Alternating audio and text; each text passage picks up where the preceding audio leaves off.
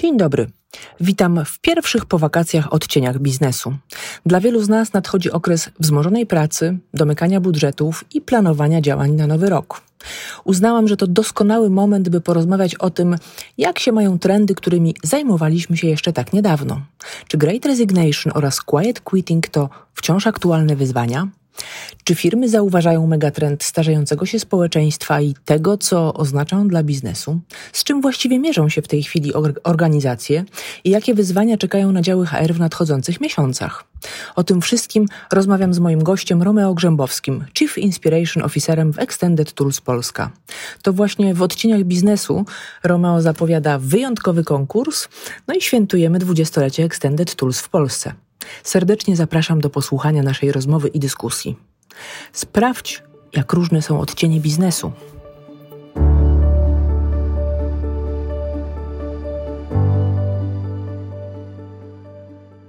Dzień dobry. Po wakacjach witam w pierwszym odcinku odcieni biznesu. To jest moment, ten początek września, kiedy no, zaczynamy dopychać kolanem budżety, ale też wydawać końcówki budżetów, planować ostatnie aktywności rozwojowe, zliczać nasze wyniki, ale też planować kolejny rok. Dziś moim gościem jest Romeo Grzębowski, Chief Inspiration Officer Extended Tools Polska. Dzień dobry, Romeo.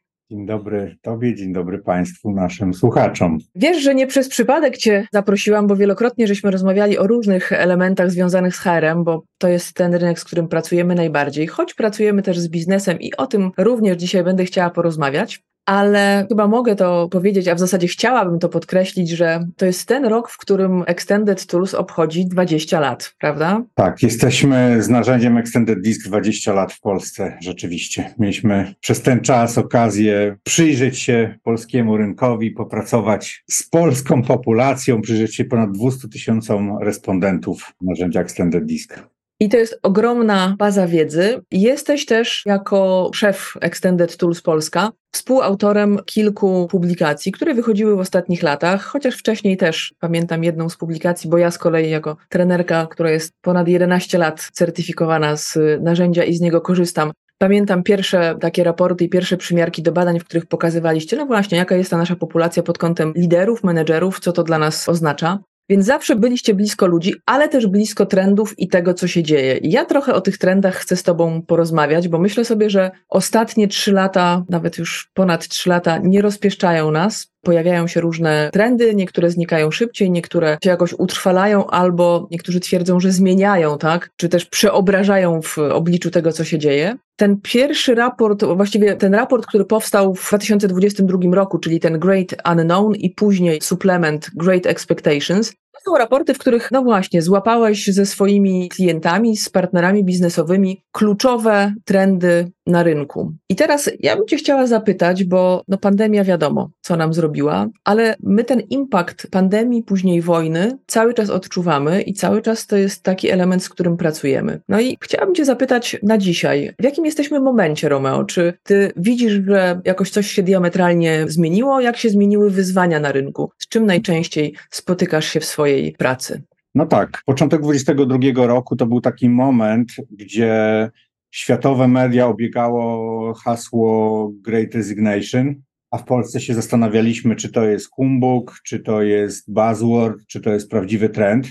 Nie wiem, czy pamiętacie, ale wtedy nasza gospodarka była rozkręcona dość mocno. Ja pamiętam takie wydarzenie właśnie ze stycznia, takie śniadanie absolwentów ISE Business School. Tak, się spotykamy w takim gronie ISE Friends co jakiś czas na śniadaniach czy innych spotkaniach i pamiętam wtedy było kilkanaście osób dosłownie, ale zrobiliśmy sobie taką styczniową rundkę, wasze największe wyzwanie na ten nadchodzący rok. I na te kilkanaście osób co najmniej dziesięć powiedziało, numer jeden wyzwanie, ja nie mam kim pracować. Ja muszę odmawiać klientom, ja nie mogę realizować projektów. Pomyślałem sobie wtedy, wow, tak, jeżeli no, tych dziesięciu prezesów, tak, na dwunastu czy czternastu mówi, że to jest dla nich największy problem, zbadajmy, czy to rzeczywiście tak jest szerzej czy ten Great Resignation, o którym wszyscy mówią na świecie, czy w Polsce też jest trendem. I to był przyczynek do badania. Tak, zapytaliśmy wtedy, jak to jest, zapytaliśmy ponad 300 liderów, w tym e, około 200 ludzi z HR-u, setkę właśnie top menedżerów, częściowo też menedżerów średniego szczebla. I rzeczywiście się okazało, że kilkadziesiąt procent z nich mówi o tym, że obserwują częste odejścia. Co ciekawe, HR widział je o wiele częściej niż członkowie zarządu. Znowu zadawaliśmy sobie pytanie, skąd taka różnica, tak? Czy w ogóle przyglądamy się temu, czy nie. I teraz kolejne dwie rzeczy, które weszły też w tym badaniu, to było takie poczucie zrezygnowania, zmęczenia, obniżonej motywacji. A kolejne to był problem związany, zapytaliśmy, jak często ludzie rozmawiają ze sobą, jak często menedżer rozmawia ze swoimi członkami zespołu. I tu się okazało, że 80% menedżerów według wskazań HR-u poświęca mniej niż 4 godziny tygodniowo na rozmowy ze swoimi ludźmi i z tego 4 godziny to 80%, 4 godziny, 40% z tego połowa nie więcej niż 2 godziny, Potem, jak jeszcze dopytaliśmy, jaki procent z tych rozmów nie dotyczy bieżących tematów, tylko dotyczy na przykład rozwoju, motywacji, zaangażowania, osobistych aspiracji czy wyzwań, no to się okazało, że mniej niż jedna trzecia z tego. Tak? Więc jak sobie taką prostą kalkulację zrobiliśmy dla menedżera, który ma 10 podwładnych, no to wychodzi 4 minuty na pracownika. Tak? I nie za wiele. Nie za wiele. I to nas uderzyło. I teraz, jeżeli mówimy o tych trzech takich problemach, które zauważyliśmy, i pytasz mnie, co się zmieniło, no to zmienił się na pewno rynek pracy, bo gospodarka przyhamowała, inflacja nas zabija, regulacje państwowe w Polsce też biznes, szczególnie ten mniejszy i średni, krępują totalnie, więc rynek pracy się zmienił. Jednocześnie globalne trendy typu wystrzał AI powoduje, że nagle te firmy, które miały ssanie największe na programistów i pokrewne zawody, też nacisnęły stop. W pewnym sensie skończyły się te problemy pandemiczne, takie bezpośrednie, w związku z tym część organizacji mówi hola hola, praca zdalna to nie jest to, co nam się podoba, wracamy do biur. Ja tego bardzo nie lubię, ale mam wrażenie, że część dużych organizacji zakulisowo użyło powrotów do biur do redukcji etatów, tak, żeby trochę odsiać osoby, które same zrezygnują poprzez zaciśnianie tutaj tej pętli, więc tu jest największa zmiana i Great Resignation, można powiedzieć, trochę odeszło w zapomnienie, ale zamieniło się w dużej części na quiet quitting, czyli na taką rezygnację wewnętrzną, tak? Ja przychodzę, ja robię to, co muszę, ale czy angażuję się w tak bardziej całym sobą, już nie mówię o godzinach, tak, że mam zostawać po godzinach, bo to nie o to chodzi. Tylko pytanie, czy będąc na spotkaniu zgłaszam pomysły, tak? Czy widząc coś, co nie działa w firmie dobrze, czy ja o tym mówię, czy po prostu odwracam wzrok, tak? Czy pomogę koledze, koleżance, czy zgłoszę się na ochotnika do jakiegoś projektu, czy raczej zrobię to, co mam w zakresie obowiązków.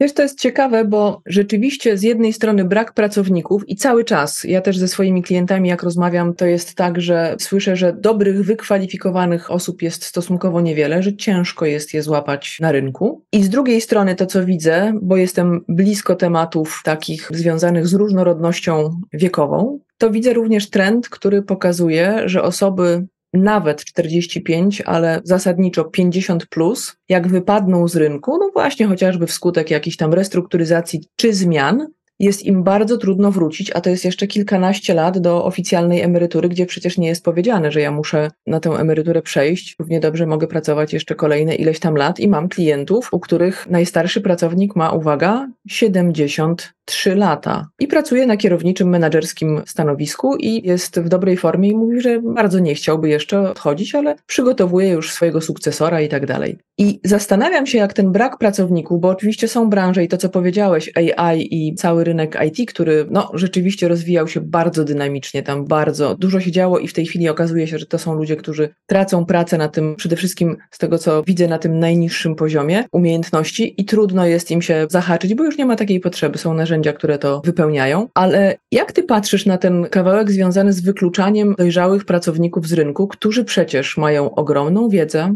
potężne doświadczenie, bardzo często siły i chęci do tego, żeby pracować. Jak się popatrzy na LinkedIna, to tych historii ludzi, którzy miesiącami, żeby nie powiedzieć, bo znam co najmniej jedną osobę, która ostatnie dwa lata szukała pracy i zaczęła pracę chyba miesiąc temu, Natomiast to jak ty na to patrzysz? Czy tutaj coś się w firmach zmienia? Czy taka wrażliwość na właśnie szukanie i tworzenie też różnorodnych pokoleniowo zespołów już jest? Czy my tego megatrendu starzejącego się społeczeństwa nie chcemy widzieć? Bo ja powiem ci szczerze, jak słyszałam o quiet quitting, to myślałam sobie w Polsce a, bez przesady, w sensie Great Resignations, Quiet Quitting. Ten Quiet Quitting mam wrażenie, że był zawsze, teraz go po prostu nazwano, to znaczy zawsze w organizacji są takie osoby, które się tam nie angażują i traktują pracę jako pracę, wychodzą i tyle. Great Resignations uważałam, że w Polsce być może w jakiejś skali, ale też na pewno nie szeroko dotyczące całego rynku. Natomiast megatrend starzejącego się społeczeństwa to jest trend, który jest faktycznym globalnym trendem i my tego nie odwrócimy. To znaczy, wiesz, coraz mniej ludzi się rodzi, coraz mniejsza jest pula kandydatów do pracy z tych pokoleń, które są najchętniej przyjmowane, a zwiększa nam się zasób osób, które są dojrzałe, wypadają, nie mogą wrócić, ale też to są klienci naszych klientów. Więc jak ty na to patrzysz? Bo ja mam wrażenie, że kilka firm już zauważyło ten trend i zaczyna działać, ale to jeszcze nie jest taka masowa skala i niby te silver economy jest coraz bardziej modne, ale jeszcze takich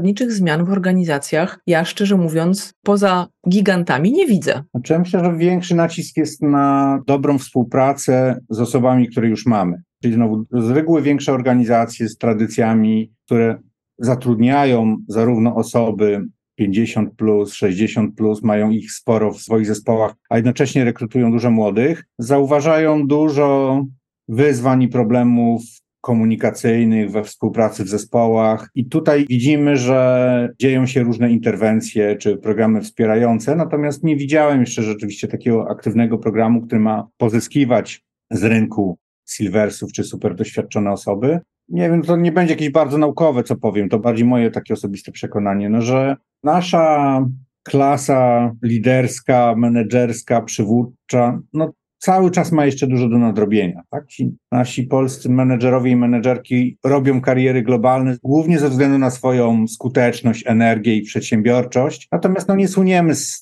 najwyższych standardów, jeżeli chodzi właśnie o przywództwo, zarządzanie ludźmi, a ten element zarządzania różnorodnością, rozumienia pokoleń, personalizacji podejścia, motywacji to jest część tego i tu mamy sporo do nadrobienia.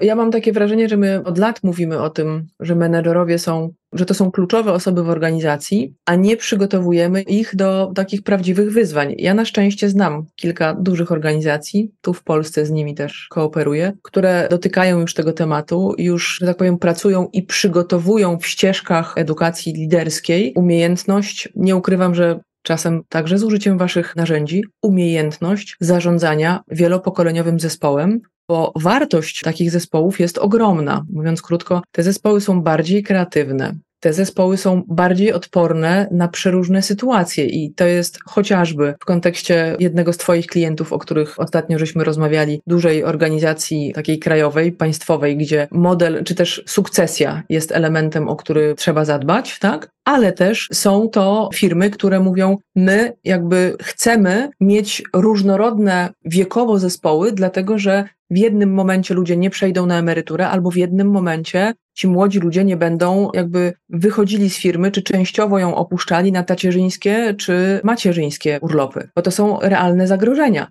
No i trzeci element, kwestia ryzyka i doświadczenia, czyli te dojrzalsze osoby mają trochę mniejszą skłonność do ryzyka, pracując w różnorodnym zespole. Z jednej strony widzą rynek holistycznie, z drugiej strony są w stanie zadbać o różne aspekty działalności, podejmowanych decyzji itd. Więc wydawałoby się, że to jest coś takiego, na co dość łatwo położyć jest nacisk i korzystając i z narzędzi, ale też z możliwości różnych, które są na rynku, rzeczywiście edukować menadżerów. Jak myślisz, z czego to się bierze, że my mamy wciąż, zaryzykuję to stwierdzenie, tak mało uważności na ludzi? No bo to, co powiedziałeś, wiesz, te kilka minut w tygodniu na to, żeby porozmawiać nie o pracy, a jednak przychodzimy z jakiegoś świata, przychodzimy i mamy różne trudności, różne wyzwania, ale też różne radości. I ja spędzam kawał swojego życia i mam menedżera, który niewiele o tym wie. I naprawdę, jak niewiele o mnie wie, to stosunkowo niewiele jest w stanie mi ani pomóc, ani wpłynąć na mnie w jakikolwiek sposób. Skąd się to bierze? Bo rzeczywiście sprawczo i efektywnościowo na poziomie KPI-ów jesteśmy mega, ale skąd w Polsce, jak obserwujesz te 200 tysięcy ludzi, których żeście przebadali, skąd w Polsce taka mała uważność na jednostkę i na ludzi, którzy ten biznes przecież tworzą? To jest bardzo trudne pytanie. Myślę, że trzeba do niego podejść z pokorą, bo oczywiście możemy sobie powiedzieć, OK, patrząc na wyniki Extended Diska polskiej populacji, mamy jeden z najwyższych w Europie odsetek osób o tak zwanym stylu D, czyli takich najbardziej nastawionych na wyniki, zadania, które właśnie zwracają mniejszą uwagę na empatię, relacje i tak dalej. Jeżeli my go mamy, ten odsetek średnio, nie wiem, 15% populacji, a Szwecja ma tylko dwa, to ta różnica na pewno jest, ale myślę, że to nie jest jedyny czynnik, który na to wpływa. Olbrzymim czynnikiem jest edukacja, tak? Czego my uczymy w szkołach, jak uczymy w szkołach. Albo czego nie uczymy. Czego nie uczymy, tak? Jeszcze innym y, czynnikiem jest jednak ten etap rozwoju gospodarki, społeczeństwa. To, co my cały czas gonimy za tak zwanym Zachodem, tak, czy super rozwiniętym światem. Cały czas jesteśmy jako Polska, pewnie ekonomiści mi to jakoś poprawią, ale my jesteśmy cały czas jakiś emerging markets, a nie ten rozwinięty do końca świat. Więc my mamy te ambicje, tak? Bierzemy te kredyty we frankach szwajcarskich, czy braliśmy je wtedy, żeby mieć podobne warunki spłaty, a jednak dużo większy kapitał, tak? I szybciej chcieliśmy mieć te trochę większe mieszkania i trochę ładniejsze samochody, tak? Ta presja na zwiększoną konsumpcję przez ostatnie 20 czy 30 lat nam gdzieś tam mocno na nas wpływała, tak? Także my mamy tą gonitwę, która część innych społeczeństw, gospodarek ma już trochę za sobą. Amerykanie też się śmieją z Europy, tak, że oni pracują po 78 godzin tygodniowo, a Europa pracuje po 32, tak, i że ilość urlopów i tego wszystkiego, a my byliśmy gdzieś pomiędzy tak, a my byliśmy gdzieś pomiędzy. No a u nas się pojawiają, wiesz, mam wrażenie, że my próbujemy połączyć wszystko naraz, bo jak wspomniałeś Amerykę i te siedmiodniowe urlopy amerykańskie, a u nas, uwaga, trend czterodniowego tygodnia pracy plus sabatikale. Wczoraj jeden z y, menedżerów napisał, że wprowadzili sabatikal płatny tam 80-90% do trzech miesięcy, chyba do 120 dni w zależności od stażu pracy, płatny po to, żeby ludzie mogli złapać oddech. Więc mam wrażenie, że z jednej strony ciśniemy na wyniki, na zarabianie pieniędzy, a z drugiej strony staramy się też łapać to, co przychodzi do nas z zewnątrz, co wydaje się być fajnym modelem, który zaczyna się sprawdzać. Jest wiele organizacji, które powiedziały tak, ten czterodniowy model jest dla nas ok. Przygotowywaliśmy się i podeszliśmy do tego z głową i to zaczyna działać, więc to jest też ciekawe.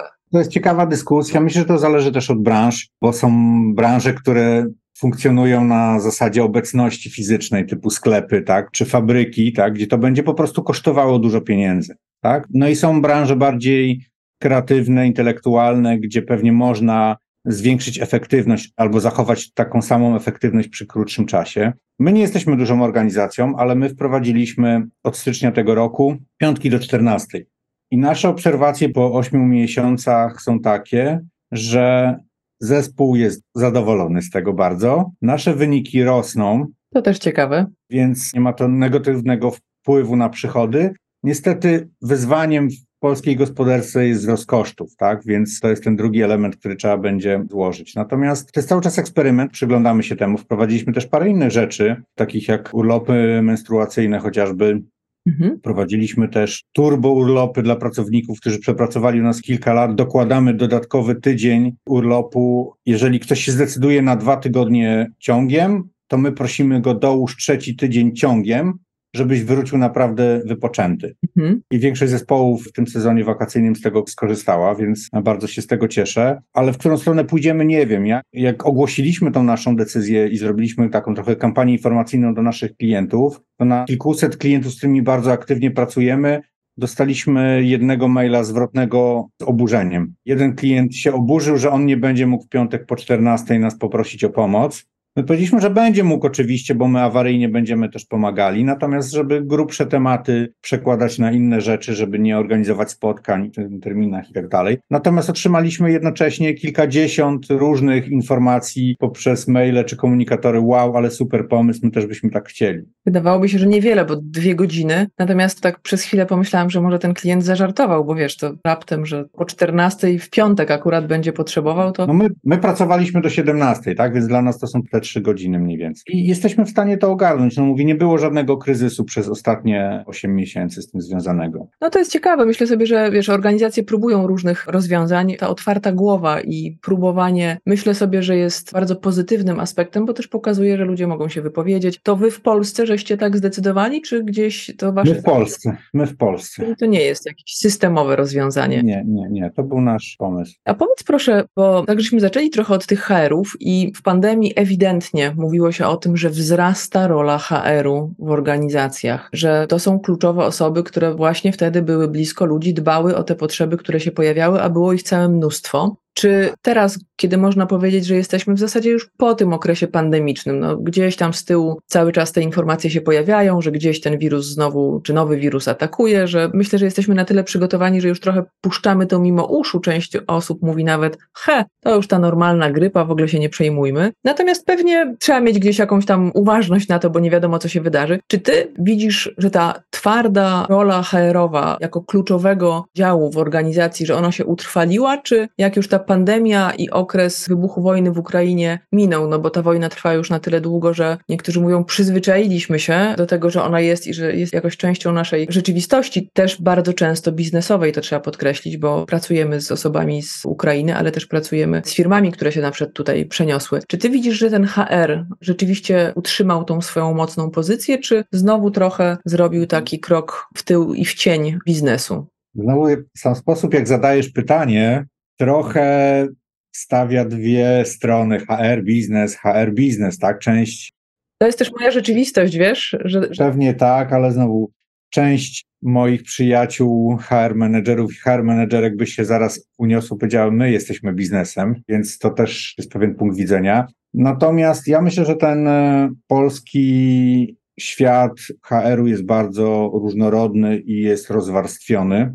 I są organizacje, w których ten HR naprawdę pełni kluczową rolę i wręcz kreuje przewagi konkurencyjne, wykorzystuje szanse i jest w ogóle mhm. kreatorem trendów. A są organizacje, gdzie tak nie jest. Ta świadomość jest o wiele niższa i jest czysto usługowy, reaktywny czy pasywny.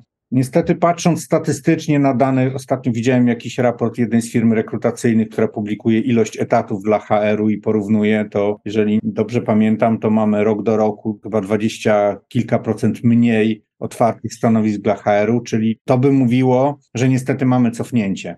Tak, że to już nie jest takie istotne, nie jest takie ważne, nie zwiększamy już tych zespołów HR-owych, raczej je utrzymujemy albo wręcz zmniejszamy, bo tniemy koszty w tej schłodzonej gospodarce.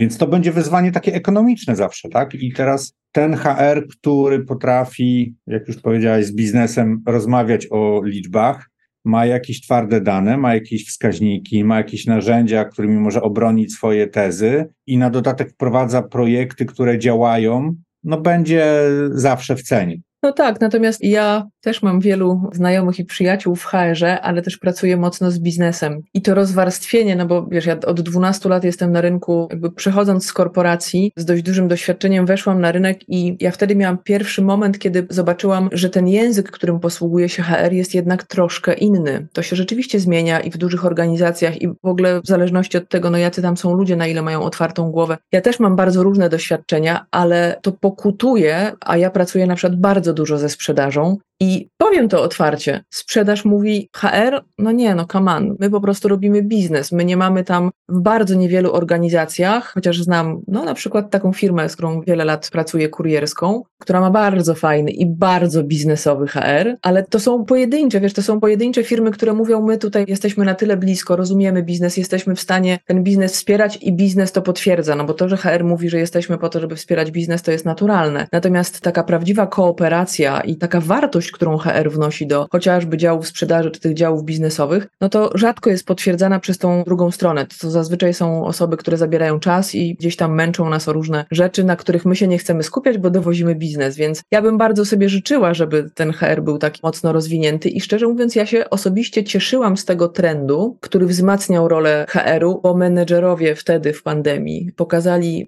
bardzo dużo nieumiejętności bycia blisko ludzi, a HR tę umiejętność ma jakby pakiecie dużo częściej, o tak bym powiedziała. I oni wtedy utrzymywali te firmy w ryzach. Wtedy te nowoczesne HR-y zaczynały uruchamiać różne projekty, na przykład reskillingowe, które bardzo pomagały ludziom, jakby wyprzedzając trochę rynek.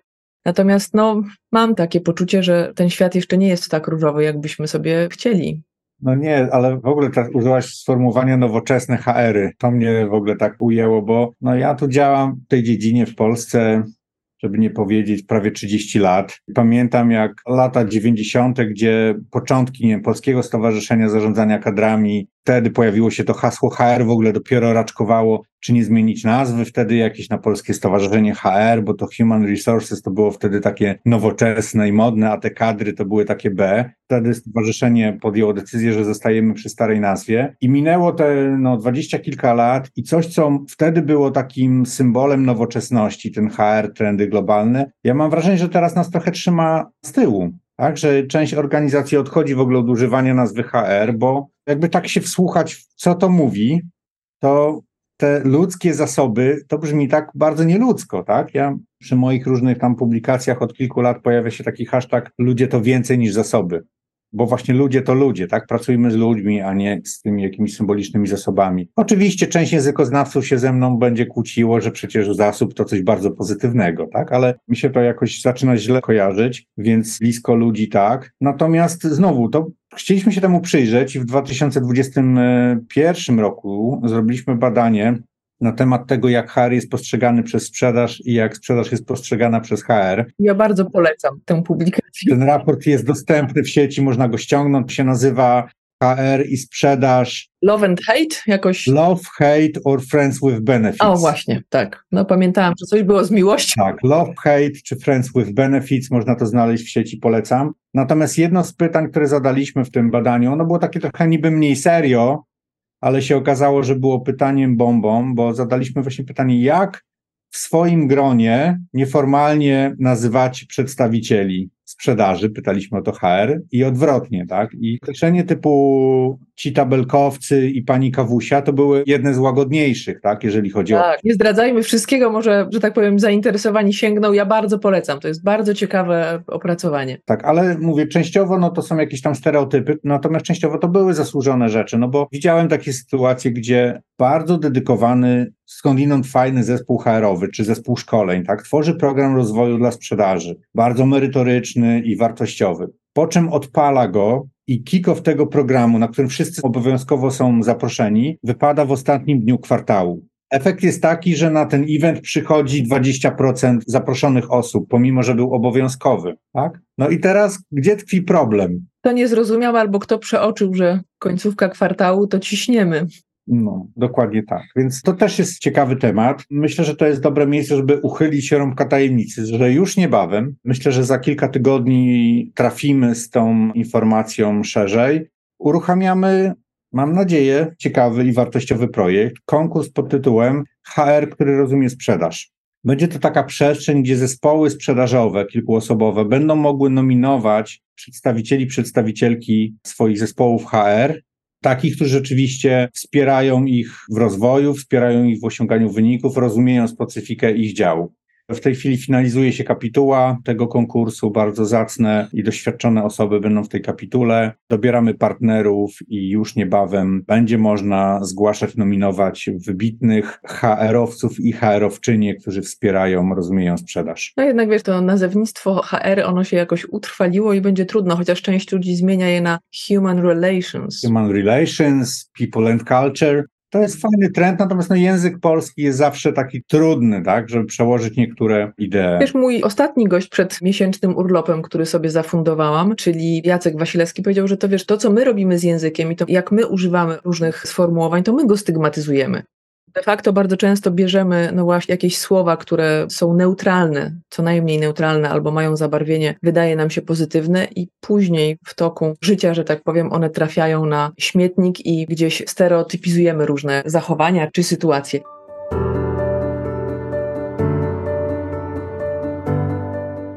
Ja do sprzedaży jeszcze wrócę, ale chciałabym pociągnąć z Tobą temat tych elementów, które się, bo nie wiem czy trendów, ja nie wiem czy praca hybrydowa, czy praca zdalna jest w ogóle jakimś trendem. Mam wrażenie, że ona po prostu była koniecznością dla ciągłości biznesu. Więc zanim jeszcze podpytam Cię trochę o tą sprzedaż, bo tutaj te narzędzia, które Wy macie, czyli Think Sales Assessment, jestem chyba w pierwszej grupie osób certyfikowanych i to chyba u Was wszyscy wiedzą, że ja uwielbiam to narzędzie i uwielbiam z nim pracować, natomiast to też nie dla wszystkich jest proste, natomiast ogromnie dużo może zmienić, ale chciałabym Cię zapytać właśnie o to, co się dzieje u, bo to znowu taki wątek, który jest połączony z wieloma innymi. Ta praca zdalna czy praca hybrydowa w organizacjach, słyszymy z różnych stron, że się zaczyna kończyć. Elon Musk dość szybko powiedział: koniec, wracamy do biura. Został obśmiany, tam różne rzeczy się pojawiały, ale teraz platforma, która pozwoliła, jako jedna z wielu, która pozwoliła nam przeżyć pandemię, czyli Zoom, na którym my się dzisiaj spotykamy, tam podjęto taką samą decyzję. Kończymy, wracamy do biura. To ma też związek z tym, co czują ludzie, bo u wielu moich klientów ludzie mówią: Słuchaj, rozsypał mi się trochę zespół. Nie tak dawno prowadziłam interwencję zespołową. Rozsypał mi się zespół, bo mam dwie osoby, które świetnie i efektywnie dalej pracują i nie chcą przyjeżdżać do biura. Mówią, w ogóle im zespół nie jest do niczego potrzebny, bo w ogóle mają eksperckie stanowiska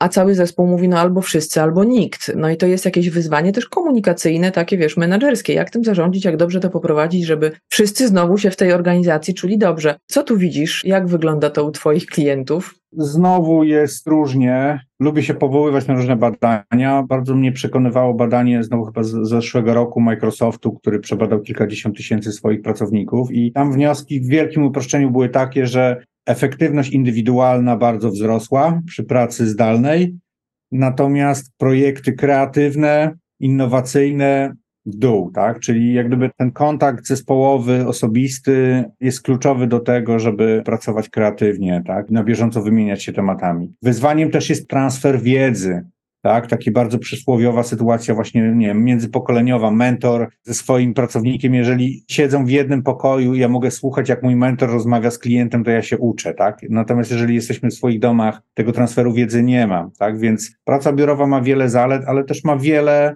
no, strasznych wad, tak? Największym to są dojazdy do pracy chociażby, tak? Czy jakaś taka sztuczna kultura obecności dla obecności i tak dalej, i tak dalej. Więc jeżeli byśmy byli w stanie znaleźć model pracy biurowej czy też hybrydowej, która wyeliminuje jego największe wady, a podkreśli zalety, to byłoby super, tak? No, żebyśmy nie jeździli do biura dlatego, że szef nam kazał albo taka jest polityka, ale żebyśmy jeździli tam po coś, tak? Dla jakichś wartości, typu na przykład przez te dni, kiedy jesteśmy w biurze, realnie mamy wszystkie spotkania tam, tak? I one są dobrze przygotowane, dobrze zorganizowane. Nie, nie mam wrażenia, że pojechałem tam tylko stracić czas albo na czyjeś życzenia, jeszcze być kontrolowanym i tak dalej, i tak dalej. Więc mi osobiście takie podejście się podoba. My mamy model pracy hybrydowej dwa dni w tygodniu w biurze i staramy się, żeby to były te dni właśnie, kiedy ja jadę tam po to, żeby się spotkać z innymi podyskutować o tematach, a nie tylko po to, żeby odhaczyć, że byłem. Natomiast no, są niestety też patologie, tak? No, są osoby, które wykorzystują maksymalnie to, że ich nie ma. Skrajne przypadki, o których słyszałem, widziałem, to to, że po prostu ludzie pracowali na dwóch etatach w dwóch firmach lub robili jakieś zlecenia na sprzęcie swojego obecnego pracodawcy i parę innych rzeczy. Więc to też niestety ci, którzy to podkreślają, to też mogą mieć rację, bo takie przypadki się zdarzały. Co jeszcze tutaj? Mam wrażenie, i to będę trochę adwokatem diabła, że to, że te duże organizacje wołają o powrót do biur, bo mówią, że to zwiększy ich efektywność, to one mają rację w tym sensie, że kiepscy menedżerowie nie potrafią zarządzać zdalnie. I teraz w skali, dużej skali, dużych organizacji, umówmy się, ale kiepskich menedżerów będzie więcej niż dobrych statystyka, tak? Więc takich firmom rozumiem jest, rozumiem te zarządy, że łatwiej jest wykazać i zwiększyć tą efektywność, ściągając wszystkich do biur, bo większa ilość menedżerów dzięki temu będzie osiągała lepsze wyniki, bo się lepiej czuje, widząc swoich ludzi, kontrolując ich, mając do nich szybki dostęp. I teraz, jeżeli rynek pracy na to pozwala, tak, już nie ma tak wiele tych innych możliwości, ludzie będą w stanie, będą musieli się dostosować pewnie. Tak, więc może tu być jakiś biznesowy rozsądek w tym, tak? Ja osobiście tego nie lubię, tak? Jestem fanem takiego podejścia bardziej elastycznego, bardziej hybrydowego. Uważam, że ta taka swoboda i brak kontroli jest dobry, ale czy to się sprawdza w dużych organizacjach? No nie zawsze. I tu też pewnie jest różnie, bo też znam dużo organizacji, które mają ten element, no właśnie, chociażby jednego dnia, który pracownik może spędzić w domu, resztę jest w biurze. Natomiast pojawił się też, to pamiętam bardzo wyraźnie, bardzo wielu HR-owców podkreślało możliwość do dotarcia do talentów z rynku właśnie przez to, że oferowali pracę zdalną, więc to też otwierało pewne możliwości, bo te firmy, które mówiły, no nie, skończyła się pandemia, wracamy, my potrzebujemy, bo jesteśmy na przykład taką firmą o modelu Microsoftowym, gdzie z tej pracy zespołowej bardzo wiele wynika, czy z jakości tej pracy, że też się tworzą nowe pomysły i tak dalej, i tak dalej I to jest udowodnione, że tutaj potrzebujemy się widzieć i onlineowo trudno jest nam to jeden do jednego zrobić. Natomiast, no wiesz, ja też jestem za swobodą, ale czuję, że ten trend pod tytułem na twardo wracamy jest coraz bardziej widoczny. I on pewnie będzie, no też dla myślę sobie biznesu od chociażby biurowego, to jest też trochę być albo nie być, no bo z jednej strony zaczęły się pojawiać te kołorki przeróżne i sytuacja na rynku i ilość budujących się biurowców, od chociażby w Warszawie jest całkiem spora, a jak się wchodzi, to tam niespecjalnie jest wypełnienie, że tak powiem. No można by zacząć snuć jakieś teorie spiskowe, że lobbying branży nieruchomościowej, która zainwestowała miliardy euro, zaczyna działać, no bo jednak ktoś podpisał te kontrakty, tak? Jeżeli jestem szefem tej dużej firmy i moje biuro stoi puste, jest tam kilkaset biurek i ja płacę za nie no miliony rocznie, a one są puste, no to chcę uzasadnić trochę, że miałem rację podpisując tą umowę i chcę zobaczyć tam ludzi. Natomiast inny fajny trend jest taki, że te biura też się zmieniają, tak? Wiem, że jest sporo organizacji, które przywiązały olbrzymią uwagę do tego, żeby ludzie mieli do czego wracać, że chcieli wracać i żeby to już nie był rząd anonimowych biurek, tylko żeby była przestrzeń do pracy kreatywna, przestrzeń do spotkań, przestrzeń do pracy cichej, tak? Różne strefy. Odwiedzałem zresztą biuro Microsoftu w Monachium, i bardzo mi się podobało to, jak oni to zaprojektowali, właśnie te różne takie strefy funkcjonalne. No tak, zobaczymy. Ja jestem bardzo ciekawa. Ja szczerze mówiąc, większość spotkań, które mam w tej chwili, staram się organizować face to face. Ja jestem z tych osób, które lubią się spotkać i uważam, że zupełnie inna jest energia, jak siadam z moimi klientami w jakiejś sali konferencyjnej i po prostu sobie gadamy, patrząc sobie w oczy, też mając szansę na zupełnie inną interakcję. Więc jak tylko mogę, a też widzę, że gotowość jest całkiem spora. Są takie firmy, które mówią, ale to może zróbmy tak szybciutko online, to wtedy nie musimy tracić tego czasu na dojazd i tak dalej, ale bardzo wiele firm mówi, o jak będzie cudownie, to gdzie pijemy kawę? U was czy u nas, tak? Więc to jest... Tak, tu ważniejszy jest ten cel, żeby nie wylać dziecka z kąpielą, że zawsze na żywo albo zawsze tylko online, tylko gdzieś może warto te akcenty rozłożyć. Ale znam też taki, można powiedzieć, niespecjalnie szczęśliwy happy end organizacji, która postawiła całkowicie na pracę zdalną, żeby dotrzeć do tańszych talentów spoza Warszawy, ale ponieważ to była taka branża bardzo kreatywna i tam okazało się, że niedocenionym czynnikiem sukcesu tego biznesu był taki vibe biurowy, taka kultura wzajemnej stymulacji, fanu i spędzania razem czasu. I w momencie, kiedy cały zespół no, mocno ewoluował, bo zatrudniliśmy, nie wiem, kilkanaście nowych osób z Polski, których nigdy nie widzieliśmy i które przyjeżdżają nawet nie do centrali, bo centrala zredukowała swoje biuro praktycznie, tak? Czyli spotykają się w jednym miejscu raz na pół roku okazało się, że ta firma zatraciła taką swoją istotną kulturę i najcenniejsi pracownicy, którzy ją budowali, odeszli, bo stracili to coś, co ich tutaj trzymało.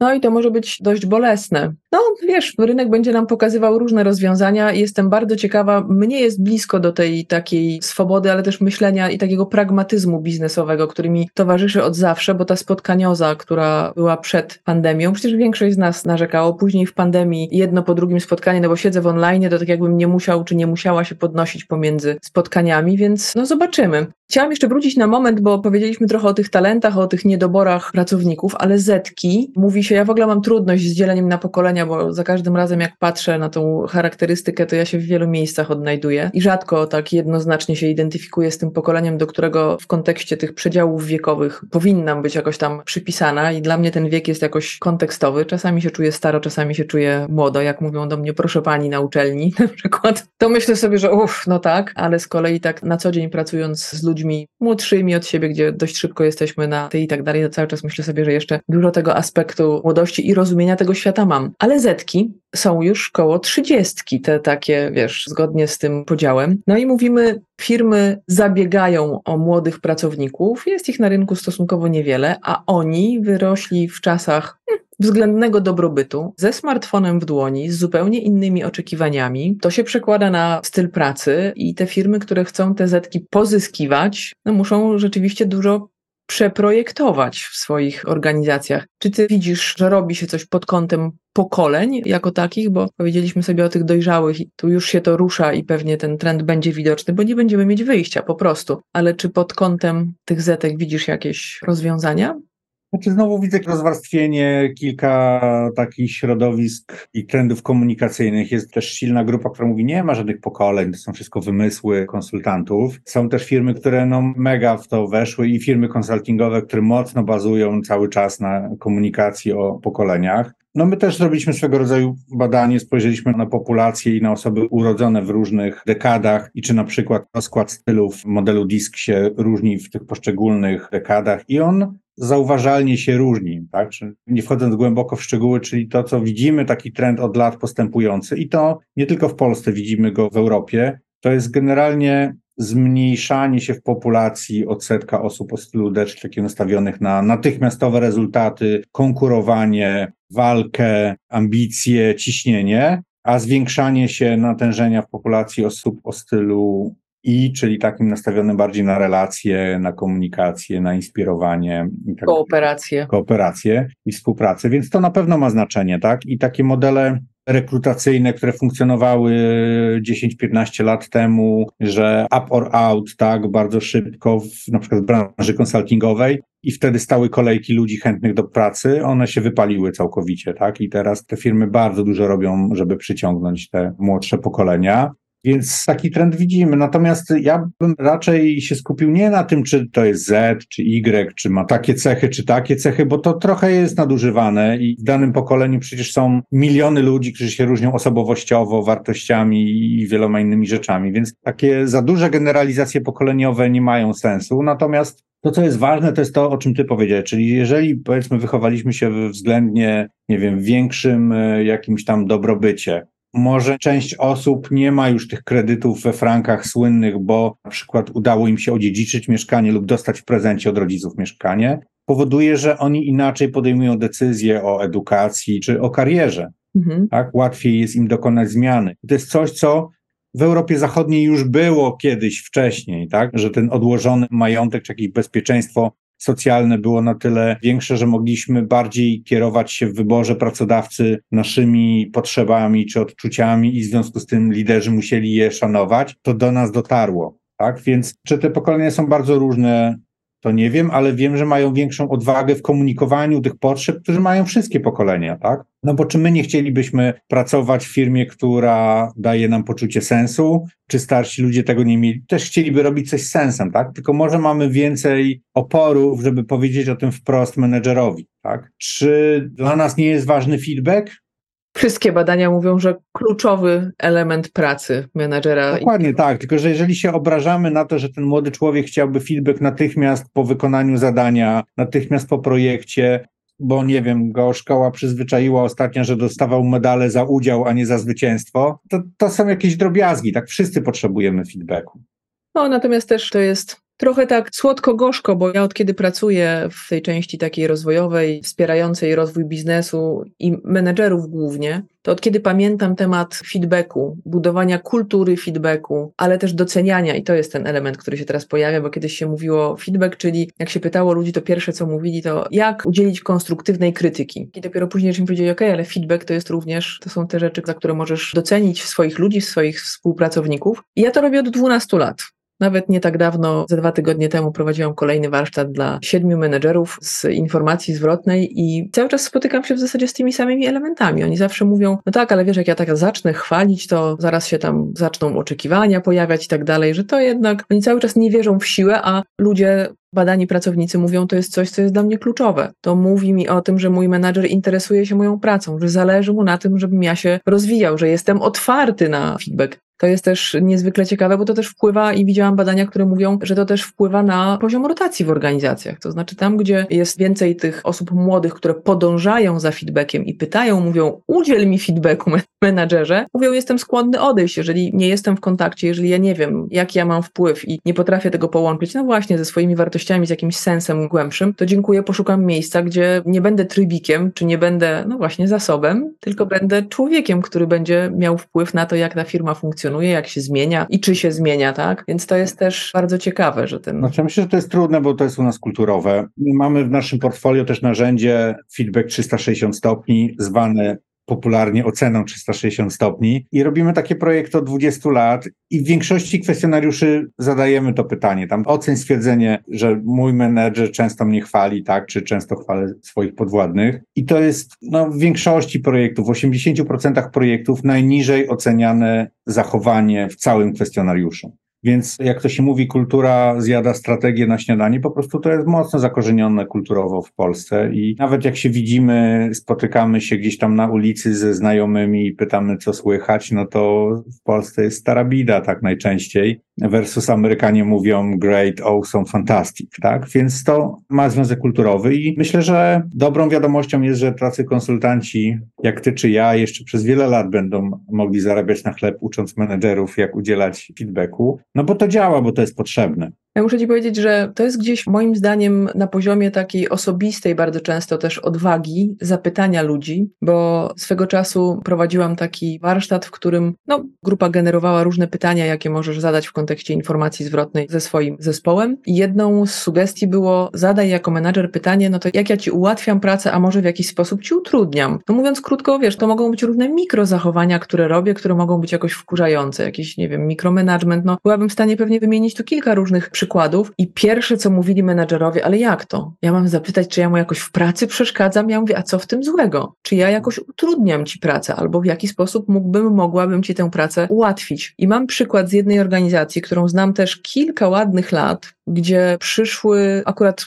trzy panie menedżerki przyszły nowe do organizacji i ona jakby przygotowywała mnie do tego, żeby je trochę organizacja dobrze i gładko wchłonęła. I muszę ci powiedzieć, że to było dla mnie zaskakujące. Jedna z nich była z dużej amerykańskiej korporacji i jak żeśmy rozmawiały o feedbacku, to ona mówi, dla mnie to jest w ogóle normalne. My żeśmy to mieli wszyte, ja tam pracowałam wiele lat i to jest dla mnie naturalne, że ja w zasadzie już nawet na początku, jeszcze jak mówię swoje expose, to mówię, słuchajcie, ja zawsze będę pytać was o feedback. Więc zespół, a ja z tym zespołem też pracowałam trochę przez ostatnie kilka czy nawet kilkanaście miesięcy, ten zespół powiedział, słuchaj, tak leciutko ludzie tak mimochodem mówili, słuchaj, co to dla nas oznacza, bo wiesz, mówi, tu nie ma takiej, czy co my jej możemy powiedzieć, a czego nie a ona mówi, ja bym chciała usłyszeć wszystko, czy mam nowych ludzi, mam nowy zespół? I to też pokazuje, że to wiesz, gdzieś jak się to przełamie, bo ona skrupulatnie już pracuje tam kilka ładnych miesięcy jak teraz rozmawiamy, to ludzie mówią, wiesz, to jest takie odświeżające. I to jest takie fajne, że nasza szefowa się tak wystawia i czeka. Mówi, myślałem, że sobie to odpuści, ale jak już za trzecim razem powiedziała, słuchaj, to czy masz? I zawsze o to pyta na spotkaniach jeden na jeden, to mówi, tak poczułem, że to ważne. I mówi, zacząłem się zastanawiać i przyglądać, co ona robi takiego, ale mówię, kurde, jakoś było mi niezręcznie. Natomiast widać, jak to się też zmienia, więc wiesz, ta kropla drąży skałę. To jest też kwestia tego, czy ten menedżer przeskoczy na tą stronę, ale też pewnie pokaże też swoje jakieś niemoce i też, wiesz, będzie to, co żeśmy już powiedzieli, bardzo blisko ludzi, będzie rozmawiał, będzie czuł, będzie też umiał z każdym dobrze ten język komunikacyjnie dostosować, więc może jakoś ten świat trochę pozmieniamy, Romeo. No, y,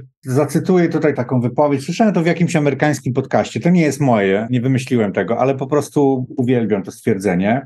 Chodziło o budowanie samoświadomości lidera. Tak, że tą samoświadomość można budować między innymi korzystaniu z różnych narzędzi diagnostycznych, badać swoje talenty, nie jak Extended Disk, czy właśnie feedback 360 stopni. I to budowanie samoświadomości to jest dowiadywanie się o swoich mocnych i słabych stronach, czyli o czym co twoi ludzie wiedzą już od dawna. I dzięki temu, że ty teraz już to wiesz, oni wiedzieli to już dawno, ale to jeszcze masz na papierze i zaczynacie o tym rozmawiać, to schodzi totalnie ciśnienie, odchodzi ten strach, że to się ujawni, no bo to staje się jawne, tak? I jak już nie ma tego strachu, to zaczynamy o tym rozmawiać i dzięki temu możemy to zaadresować albo możemy to zdelegować możemy coś z tym zrobić. A dopóki to jest taka niby tajemnica, to ja to utrzymuję, żeby oni się nie dowiedzieli, że ja jestem słaby z czegoś. Ale przecież to widać. Jak ktoś ze mną pracuje kilka miesięcy czy kilka lat, to widzi, tak? I to prowadzi nas do kolejnej rzeczy, do tego, że ja nie wierzę w supermenów i superwoman, tak? One istnieją tylko w komiksach, istnieją gdzieś w Hollywood. My jesteśmy tylko ludźmi, aż ludźmi i tylko ludźmi. Mamy swoje ograniczenia, mamy swoje wady, mamy swoje kompetencje, talenty, ale mamy swoje braki talentów i braki kompetencji. I to, że my zaczynamy o tym mówić, co w polskiej kulturze jest bardzo trudne, wymaga odwagi, ale powoduje paradoksalnie, że nasz autorytet rośnie, a nie maleje. Zaczynamy być wiarygodni, autentyczni. I ja pamiętam taki projekt właśnie w pandemii, pracowaliśmy z dużym bankiem, gdzie miałem indywidualne sesje z dużą grupą menedżerów, którzy przeszli właśnie feedback 360 stopni. I w wielu przypadkach moją taką dla nich wskazówką było powiedz swoim ludziom na spotkaniu, że dzisiaj się źle czujesz. Masz do tego prawo, tak? Też jesteś człowiekiem tak jak oni. Tak? Nie musisz mieć żelaznej maski, że jesteś ponad to i superhuman, tak? Wszyscy mają swoje problemy. Słyszymy, że jest wojna,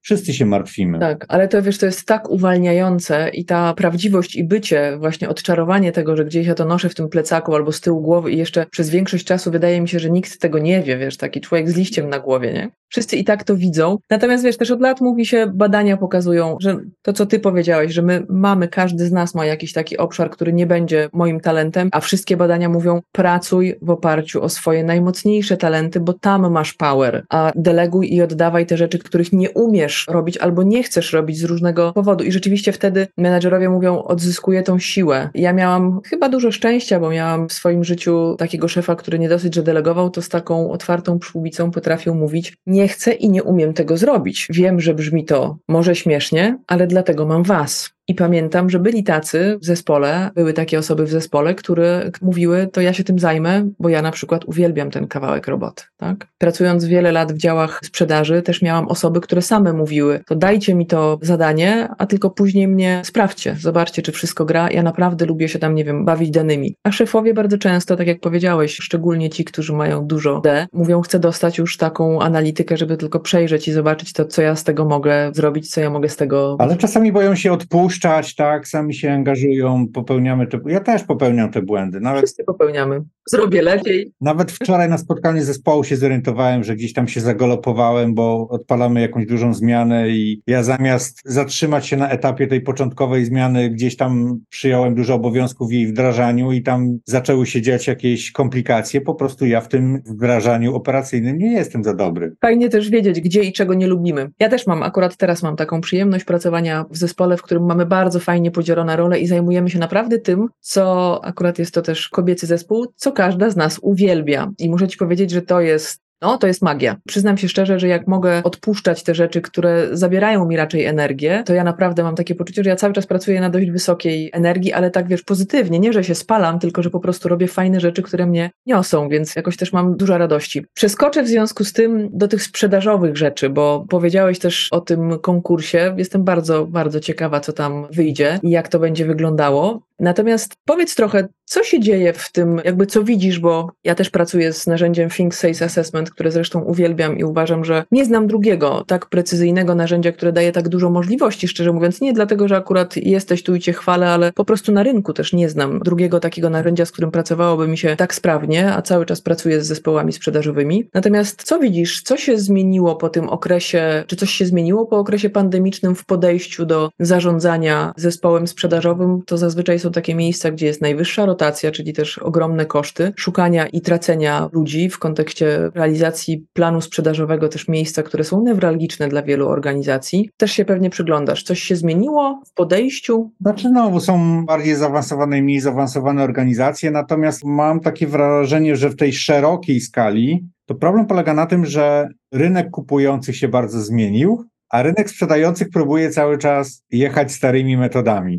Co znaczy, że rynek kupujących się zmienił? Chcesz powiedzieć mi, że widzisz już trend dojrzałego konsumenta? Nie, no widzę, że na przykład, może nie dojrzałego konsumenta, ale nawet w tym rynku B2B, w którym my jesteśmy, te procesy zakupowe przecież ewoluowały maksymalnie, tak? Jak gdyby kiedyś inwestowaliśmy w to, żeby budować relacje, nie wiem, z szefami departamentów, żeby być z nimi w kontakcie, bo oni podejmowali wszystkie decyzje zakupowe, tak? Teraz się okazuje, że tak naprawdę to pierwszą selekcję robią specjaliści na bazie researchu online, tak? W związku z tym wszyscy inwestują w content marketing, żeby się znaleźć na shortliście, tak? I tam parę innych rzeczy. I znowu, jak jest koniunktura, to niektórzy sprzedawcy po prostu bardziej zajmują się tym, żeby, nie wiem, obsłużyć wszystkie zapytania, a jak koniunktura spada, to nagle się okazuje, że nie potrafią sprzedać. Branża samochodowa jest takim dobrym przykładem, tak? No jeszcze rok temu to było tak, że prosiliśmy się o te samochody, bo nie było tam półprzewodników i braliśmy co tylko się dało i ludzie kupowali super luksusowe samochody, ale z zaślepką, bo nie było tam, nie wiem, już nie chcę powiedzieć radia, tak? Ale na przykład, nie wiem,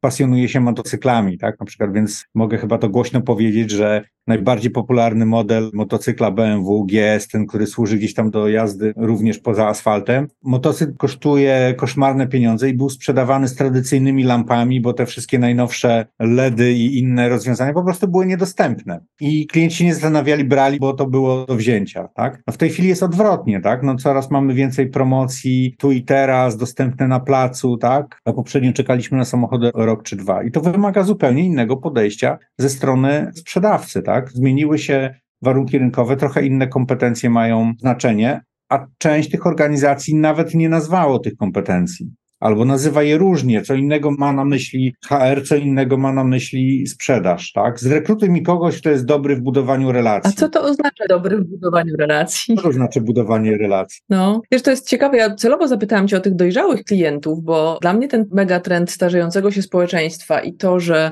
Gdyby obecnie polscy seniorzy założyli swój kraj, to ten kraj miałby więcej mieszkańców niż jedna trzecia państw w Europie. I w tej chwili mamy sytuację, w której mamy nieco ponad bodajże 25, prawie 26% Polaków jest w wieku 60, plus, a prawie 38, czyli ponad 14 milionów ma 50 plus. No więc wiesz, to jest ta grupa i ja już też u klientów, z którymi pracuję, widzę ten trend, bo mówisz sprzedaż w sensie jest popyt albo go nie ma i taka umiejętność, ale jak obsługiwać klienta dojrzałego, który ma pieniądze, jest zdecydowany, chciałby kupić, ale przy równoczesnym dbaniu o na przykład koszty. Jeden z klientów, duża firma, z którą mam przyjemność kooperować, powiedziała, my zaczęliśmy się przyglądać, jak działa nasza sprzedaż i jak działa nasz serwis w kontekście obsługi klientów i kosztów, które ponosimy. I dlaczego jest tak, że przyjmowani przez nas łodzi ludzie do pracy w serwisie i w sprzedaży obsługują klienta 50 czy 60 plus, będąc u niego czasami dwa, a czasami nawet trzy razy, a całą resztę klientów przy jednym podejściu. Przecież to jest koszt dla organizacji bo nie umieją tego zrobić. Nie potrafią nawiązać kontaktu, a są miejsca, w których część na przykład banków ma klientów już w tej chwili, na przykład połowę swojego przychodu, a nawet znam bank, który ma 60% w niektórych miejscach przychodu generuje z klientów, którzy są 60 plus. Utrzymanie tego biznesu, czyli umiejętność zachowania ciągłości, oznacza, że oni muszą coś też robić w tym kontekście i przyglądać się tym kompetencjom obsługowo-sprzedażowym, żeby zadbać o właściwe rozłożenie. I to się przekłada i na koszty, i na jakość, i na to, czy będziemy tę czy inną markę wybierać, no bo konsument, który ma pieniądze, przecież decyduje, gdzie te pieniądze wyda. To ja Cię chcę zapytać w kontekście Finksa, bo tam mamy zdefiniowanych 18 kompetencji sprzedażowych. Czy Ty czujesz, że, bo to jest narzędzie, z którym jesteście na rynku czwarty rok, chyba czwarty, więc ja już też sporo projektów z tym narzędziem zrobiłam, ale czy ty widzisz, że rośnie jakoś taka dojrzałość menadżerska w kontekście menadżerów sprzedaży i podejściu do szukania ludzi po kompetencjach? Bo mam wrażenie, że rotacja w działach handlowych cały czas jest spora i że w ogóle ten język trochę jednak czy chcemy, czy nie HR-owy, rozmawiania o kompetencjach ludzi, których poszukuję do mojego zespołu, który jest zespołem czasami hunterskim, a czasami musi tę rolę jakoś łączyć. Czy ty widzisz, że tu się coś zmienia, że jest większa uważność, większa wnikliwość, bo to narzędzie daje może możliwości do tego, żeby świetnie zarządzić tym, co mamy w organizacji i dobrze spozycjonować ludzi, dając im szansę na korzystanie ze swoich naturalnych talentów? No, ja powiem tak, że jednak na super świadomych klientów trafiamy niezmiernie rzadko. Z naszej perspektywy sektor finansowy jest jednym z najbardziej takich świadomych, bo mają po prostu dużą skalę zespołów sprzedaży i mamy tam bardzo ciekawe wdrożenia systemowe, gdzie tak naprawdę jest duża inwestycja nie tylko, nie wiem, w specjalistów HR, którzy pracują z narzędziem, ale menedżerów w terenie, usystematyzowanie standardów rekrutacji w oparciu o kompetencje. To są duże projekty i one najczęściej ostatnio nam się trafiały w branży właśnie finansowej. Natomiast pokutuje też dużo mitów. No, sama powiedziałaś hunterskie, tak? No najpopularniejszy mit w sprzedaży hunter czy farmer co 20 lat temu było wielkim wow, żeby w ogóle to rozróżnić, tak teraz to już jest trochę ograniczające, bo tych ról jest o wiele więcej, tak? Nie tylko hunter czy farmer, ale trzeba wiele innych rzeczy zrozumieć. Mega trendem na świecie w ogóle związanym z zarządzaniem jest personalizacja. Mamy jakichś ludzi w zespole sprzedaży, którzy nie dowożą, krótko mówiąc tak, po handlowemu, nie mają wyników. I co robimy?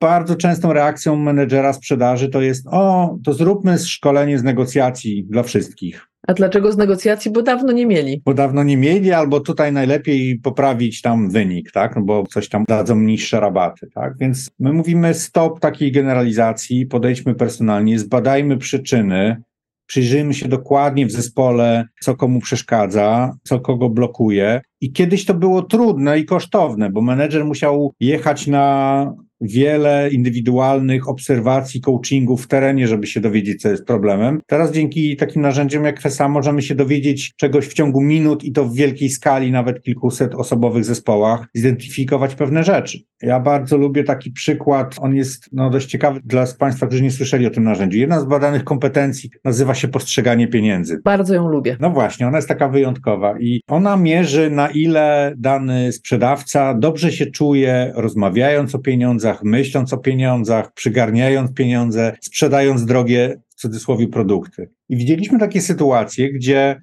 osoba będąca gwiazdą sprzedaży w jednej firmie zmienia firmę, ale zostaje w tej samej branży, tylko idzie do segmentu premium i nagle staje się największym słabeuszem zespołu bo inaczej sprzedaje się krzesło biurowe za 1000 zł, inaczej sprzedaje się krzesło biurowe za 5 czy 6 tysięcy złotych. Tak? Jeżeli ja mam wewnętrzną blokadę i nie wierzę w to, że tam jest ta wartość, to będzie mi to trudno sprzedać. Widzieliśmy sprzedawców w segmencie samochodów premium, którzy sprzedawali najwięcej ilościowo samochodów w danym dealerstwie, ale to było wszystko najtańsze samochody z największymi upustami i bez dodatkowego wyposażenia, tak? No bo jak ja mogę zarekomendować klientowi sprzęt audio za kilkadziesiąt tysięcy jako dodatek, kiedy ja sam nigdy takich pieniędzy ani takiego sprzętu nie widziałem, nie czuję, uważam, że to jest zbędny zbytek. Tak? Więc to są rzeczy, które możemy sobie uświadomić i pomóc danemu sprzedawcy przepracować je indywidualnie. Wiesz, tam jest kilka innych rzeczy, bo ja bardzo lubię też kompetencje, które mówią o budowaniu relacji i to jest bardzo ciekawe, bo to na to jest i ten w ogóle ten język sprzedażowy, który mówimy, mamy sprzedaż relacyjną albo tam partnerską, tak, że właśnie te podziały hunterskie, hunting, farming i tak dalej, one się cały czas trzymają i mają się całkiem nieźle, ale jest taka kompetencja jak budowanie relacji i zdobywanie zaufania. I one też bardzo ładnie pokazują nam, jak to może wpływać na sam proces sprzedaży. I w kontekście patrzenia szeroko na różne kompetencje, które są ludziom potrzebne, myślenie o tym, oczywiście trzymając się twardo definicji raportowych, można w zasadzie ruchem jednej ręki bardzo fajnie z ludźmi przepracować pewne elementy. Moje doświadczenie mówi, że najczęściej jak mamy, no właśnie, problem ze sprzedażą, to on gdzieś jest w jakimś miejscu. To nie jest tak, że ja generalnie mam problem ze wszystkim, z prospectingiem, z kwalifikacją i z każdym jednym etapem, tylko jak już mam trochę doświadczenia, to zazwyczaj jest tak, że jak gdzieś się blokuje właśnie chociażby ta kompetencja postrzegania pieniędzy i przeskoczenie z segmentu, nie wiem, sprzedaży wafli kukurydzianych, które są tanie, sprzedaje się masowo, do jakiejś tam inwestycyjnej whisky chociażby. Więc to jest akurat przykład z jednego z moich projektów i to też było niezwykle ciekawe, bo też wiesz, z różnymi rzeczami to oboje wiemy, że różne rzeczy można ruszyć, ale czasami jest taka sytuacja, że z pewnymi innymi nie. To znaczy, że są takie, które będzie nam bardzo trudno zmienić czy poprawić. A czujesz, że w Polsce, bo znowu pewnie jest bardzo różnie, ale czy takie myślenie w kontekście, bo rzeczywiście narzędzie daje nam dużo możliwości, ale czy takie myślenie w kontekście tej drogi, którą się zaczyna z organizacjami, w których sprzedaż ma ogromne znaczenie, mówienia o modelach sprzedaży, czy czujesz, że już na rynku polskim jest taka świadomość, że warto sobie definiować model sprzedaży, że warto o tym rozmawiać i że to rzeczywiście pomaga organizować pracę zespołów sprzedażowych, które też najczęściej są jakoś tak pokomplikowane w kontekście rozbudowane, kijakanckie, segmenty premium, różne grupy klientów i tak dalej. No im większa organizacja, im większa skala, tym to ma większe znaczenie. Ja bym powiedział, że to na przykład to pierwsze w naszej systemologii modeli sprzedaży, to pierwsze rozróżnienie, czy pracujemy na jawnej, czy na ukrytej potrzebie, robi olbrzymią różnicę. I tu po prostu ten wpływ biznesowy, ten impact ma znaczenie. Tak? No, pamiętam taki projekt, gdzie dość duża organizacja sprzedaż B2B poprzez call center pewnego produktu dedykowanego dla dużych firm wyniki całkiem niezłe, tak? I nagle zmiana strategiczna, dokładamy produkt dla MŚP, tak? Dla małych organizacji. I to samo call center ma sprzedawać ten produkt. Totalnie nie idzie. Wydawałoby się, że produkt jest prawie identyczny, różnicą jest tylko typ klienta. No i pierwsza reakcja, nie musimy więcej ich szkolić, tak? Więc idą wydatki na szkolenia. Nie ma efektu. Po jakimś czasie niecierpliwi się zarząd, następuje zmiana personalna na stanowisku szefa zespołu. On na pewno źle zarządza, tak? Potem jakieś kolejne dziwne rzeczy. I dopiero po jakiejś dobrej diagnozie się okazało, że największym problemem jest to, że Duzi klienci są przyzwyczajeni do tego produktu. Kupują go w jawnej potrzebie, sami wysyłają zapytania i rolą sprzedawcy jest tylko przekonać klienta, żeby wziął produkt od nich, a nie od konkurencji. To jest pewna kompetencja, oni w tym byli bardzo dobrzy, wygrywali. Natomiast jeżeli wykonuję telefon do właściciela firmy i rozmawiam z nim na temat, którego on nie zna, nigdy nie kupował tej usługi dla swoich pracowników, tak, to muszę w ogóle wygenerować tą potrzebę od początku. To jest zupełnie inna kompetencja. I w tamtym przypadku sprawdziła się zmiana modelu rekrutacji i zrekrutowanie do takiego nowego zespołu sprzedaży właśnie tego produktu dla MŚP, zupełnie nowych ludzi z innymi kompetencjami.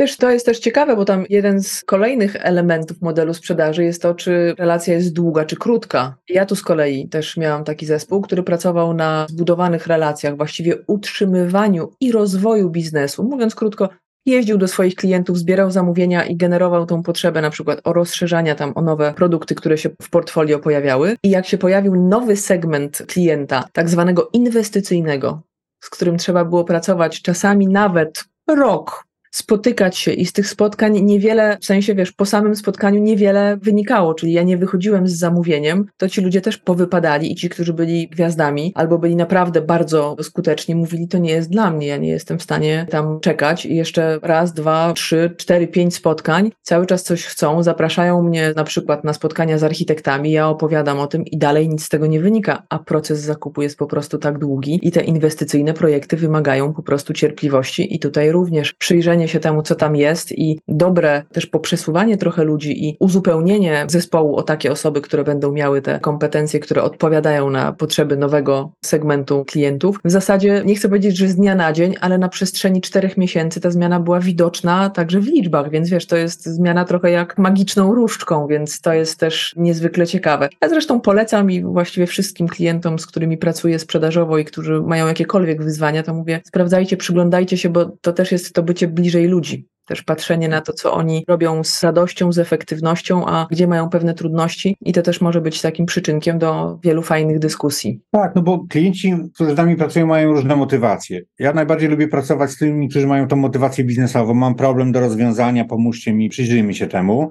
ale jest też motywacja pod tytułem mamy super świetnych ludzi, pracują z nami już bardzo długo, mają niezłe wyniki, natomiast my chcemy zrobić coś ekstra, żeby ich zatrzymać, upewnić się, że oni będą jeszcze przez kolejnych parę lat u nas czuli się zmotywowani, że się rozwijają, więc wtedy też taka precyzyjna diagnoza, indywidualne plany rozwoju, które generuje FSA, mogą być takim narzędziem retencyjnym. No i wreszcie ta trzecia taka motywacja uporządkowania czegoś, tak? Uwspólnienia, wprowadzenia jednego wręcz słownika pojęć pomiędzy, nie wiem, HR-em i sprzedażą i pewna standaryzacja procesów w różnych częściach organizacji. To jest ta trzecia motywacja. Tak, poczynając od rekrutacji i dobrego pisania ogłoszeń, a nie takich ogłoszeń, w których w zasadzie oczekujemy od człowieka, który ma przyjść, wszystkiego. A właśnie, w rekrutacji taki nowy, ciekawy trend w kontekście tego, co mówiliśmy na początku, że nie ma ludzi, którzy spełniają nasze kryteria, to jak mądrze zrekrutować osoby, które nie spełniają kryteriów, ale mają potencjał do w miarę szybkiego ich rozwoju.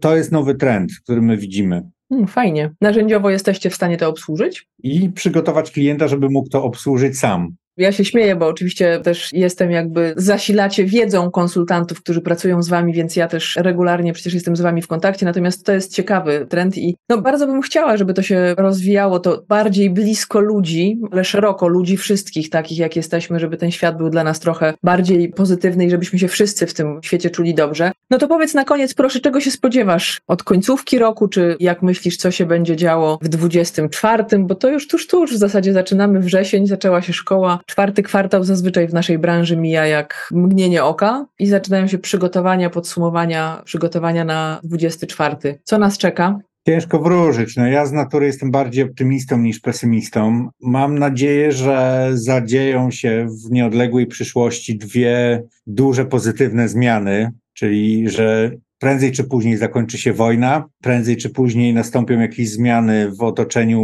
politycznym, które pozwolą na przykład, nie wiem, uruchomić olbrzymie środki inwestycyjne w Polsce. Jeżeli ten scenariusz by się spełnił, no to przewiduje naprawdę bardzo dużą energię też w biznesie, nowe projekty i rozwój. Więc to jest jeden trend, który może być bardzo pozytywny. No może być też tak, że ten stan się będzie utrzymywał niepewności i tutaj będziemy musieli się jakoś dostosować do tych nowych warunków. Na pewno trzeba też obserwować nowe technologie, bo po tym pierwszym takim, jak to się mówi brzydko, hypie, potem będzie jakiś dołek, rozczarowanie, że ten AI to wcale nie robi to, co myśleliśmy, że robi, ale ta druga fala za chwilę wróci, gdzie te nowe technologie już będą przełożone na konkretne narzędzia i one będą mocno zmieniały to, jak pracujemy.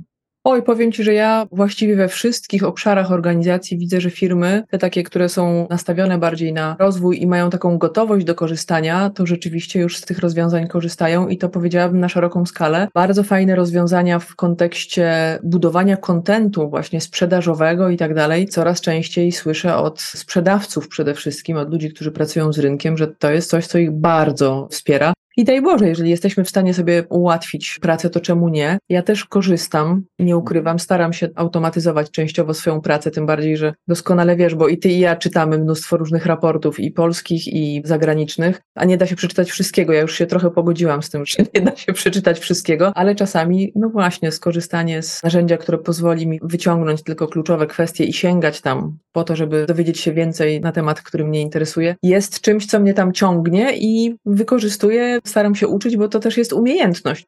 Ja Ci życzę, Romeo, żebyśmy, tak jak powiedziałeś, żebyśmy cały czas mieli dużo ciekawej pracy w projektach i mam nadzieję, że będziemy się też tym know-howem dzielić z rynkiem. I bardzo Ci życzę z całego serca, żeby Twoje optymistyczne wizje końcówki bieżącego roku i przyszłego się sprawdziły. Mam nadzieję, że tak będzie. Dziękuję ślicznie. Ja powiem na koniec jeszcze raz, ludzie to więcej niż zasoby, a siła biznesu to ludzie. Zdecydowanie tak, ja się pod tym podpisuję. Bardzo Ci dziękuję za dzisiejsze spotkanie. Mam nadzieję, że nasi słuchacze też skorzystają i no, że być może otworzyliśmy jakąś kolejną głowę bądź dwie na to, żeby w ten sposób patrzeć na ludzi w organizacjach. Bardzo Ci dziękuję za spotkanie, to była ogromna przyjemność. Dziękuję, do zobaczenia, do usłyszenia. Do usłyszenia.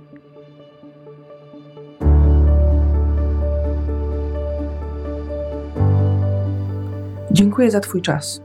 Mam nadzieję, że nasza rozmowa była dla Ciebie inspirująca. Jeśli Ci się podobała, udostępnij ją znajomym, zostaw lajka i zasubskrybuj, aby nie umknął Ci żaden odcinek. Będzie mi miło, jeśli podzielisz się swoją opinią. Napisz kilka słów recenzji. To dzięki Tobie mogę się rozwijać i trafiać do szerszego grona odbiorców. To dla mnie ważne i bardzo Ci za to dziękuję. Już dziś zapraszam Cię na kolejny odcinek. Sprawdź, jak różne są odcienie biznesu.